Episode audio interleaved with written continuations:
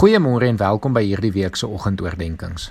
Ek wil graag hierdie week met jou gesels oor die boodskap van die Bybel. Daar is te min gelowiges wat in staat is om die boodskap van die Bybel op te som en vir ander oor te dra. Om dit te kan doen, is dit natuurlik nodig om die groter prentjie van die Bybelverhaal te ken en 'n goeie idee te hê van wat waar inpas. Daarom wil ek graag hierdie week die hoofgebeure amper die ankerpunte van die Bybelverhaal met jou deurgaan en ek hoop dit sal jou help om die Bybel beter te verstaan. So waar begin die Bybel se verhaal? Dit begin natuurlik by die skepping waarvan ons in Genesis 1 lees. Genesis wat ook begin beteken. Ek lees vir ons Genesis 1 voor. In die begin het God die hemel en die aarde geskep. Die aarde was heeltemal onbewoonbaar. Dit was donker op die diep waters, maar die gees van God het die het oor die waters gesweef. Toe het God gesê: "Laat daar lig wees," en daar was lig. God het gesien die lig is goed en hy het die lig en die donker van mekaar geskei. God het die lig toe dag genoem en die donker het hy nag genoem. Dit het aand geword en dit het môre geword. Dit was die eerste dag. Toe het God gesê: Laat daar 'n gewel wees tussen die waters om die waters van mekaar te skei. So het dit gebeur. God het die gewelf gemaak en die waters onder die gewelf geskei van die waters bo die gewelf. God het die gewelf hemel genoem. Dit het aand geword en dit het môre geword. Dit was die tweede dag. Toe het God gesê: Laat die waters onder die hemel op een plek bymekaar kom sodat die droë grond sigbaar word. So het dit gebeur. God het die droë grond aarde genoem en die waters wat bymekaar gekom het, het hy see genoem. En God het gesien dit is goed.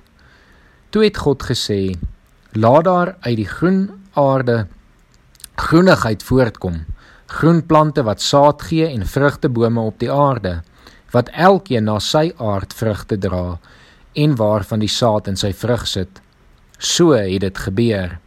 Die aarde het groen plante laat uitsprei wat elkeen na sy aard saad gee en bome wat vrugte dra met die saad daarin elkeen na sy aard en God het gesien dit is goed. Dit het aand geword en dit het môre geword. Dit was die derde dag. Toe het God gesê: Laat daar ligte wees aan die hemelgewelf om die dag en nag van mekaar te skei. Hulle moet ook as tekens dien om seisoene, dae en jare aan te dui. Hulle moet ligte wees aan die hemelgewelf om op die aarde lig te gee. So het dit gebeur. God het die twee groot ligte gemaak, die grootste om bedags te heers en die kleiner lig om snags te heers, en ook die sterre.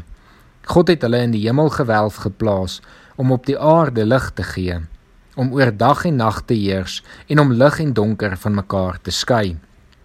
En God het gesien dit is goed. Dit het aand geword en dit het môre geword. Dit was die 4de dag. Toe het God gesê: Laat die waters krioel van lewende wesens en laat daar voëls onder die hemelgewelf oor die aarde vlieg.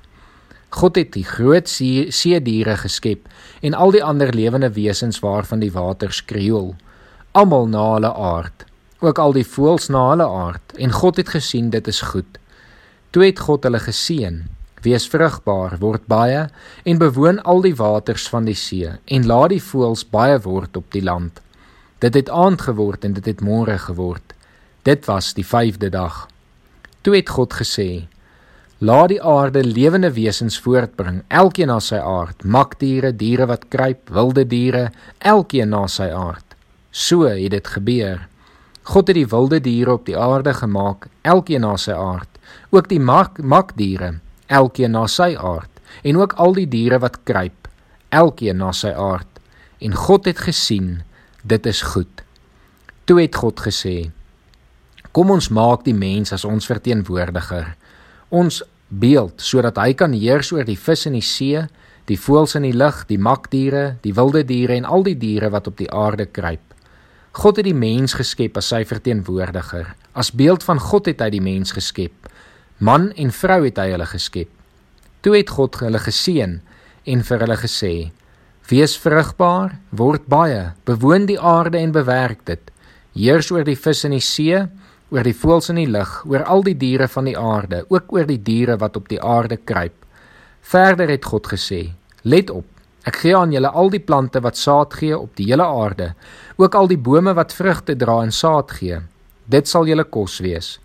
Maar aan die wilde diere op die aarde en aan die voëls in die lug en aan die diere wat op die aarde kruip, aan alles wat leef, gee ek al die groen plante as kos.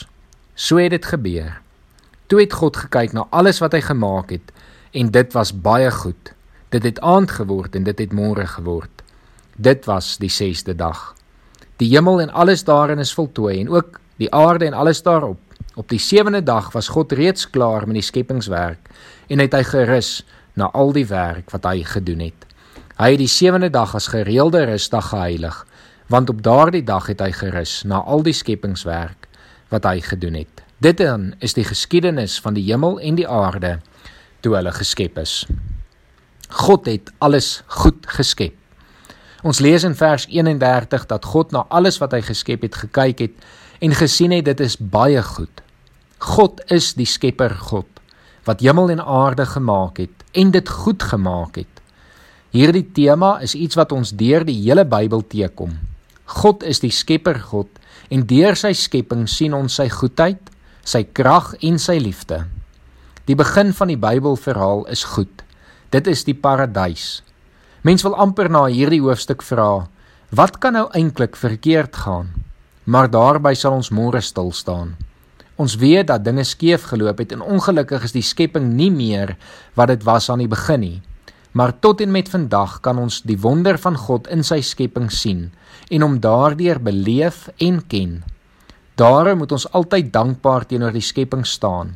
Onthou dat God ons die verantwoordelikheid gegee het om dit op te pas en die, daarmee saam dit te geniet. Mag jy vandag weer die skepping, deur die skepping God se goedheid beleef en mag jy hom daarvoor loof en prys. Wees vandag ingestel op God se skepping, op die reën, die veld, die bome, die blomme, die son en weet dat God ook by jou is, soos wat jy deur sy skepping beweeg. Kom ons bid saam. Here ons dankie vir alles wat U gemaak het. Ons dankie dat U dit goed gemaak het. En ons dankie dat U ons hier op aarde geplaas het om dit te kan geniet en dit te kan oppas. Here gaan met elkeen van ons vandag. Mag ons U skepping waardeer en mag ons dit oppas soos wat ons taak aan ons opgedra is. Ons bid dit in Jesus Christus se naam alleen. Amen.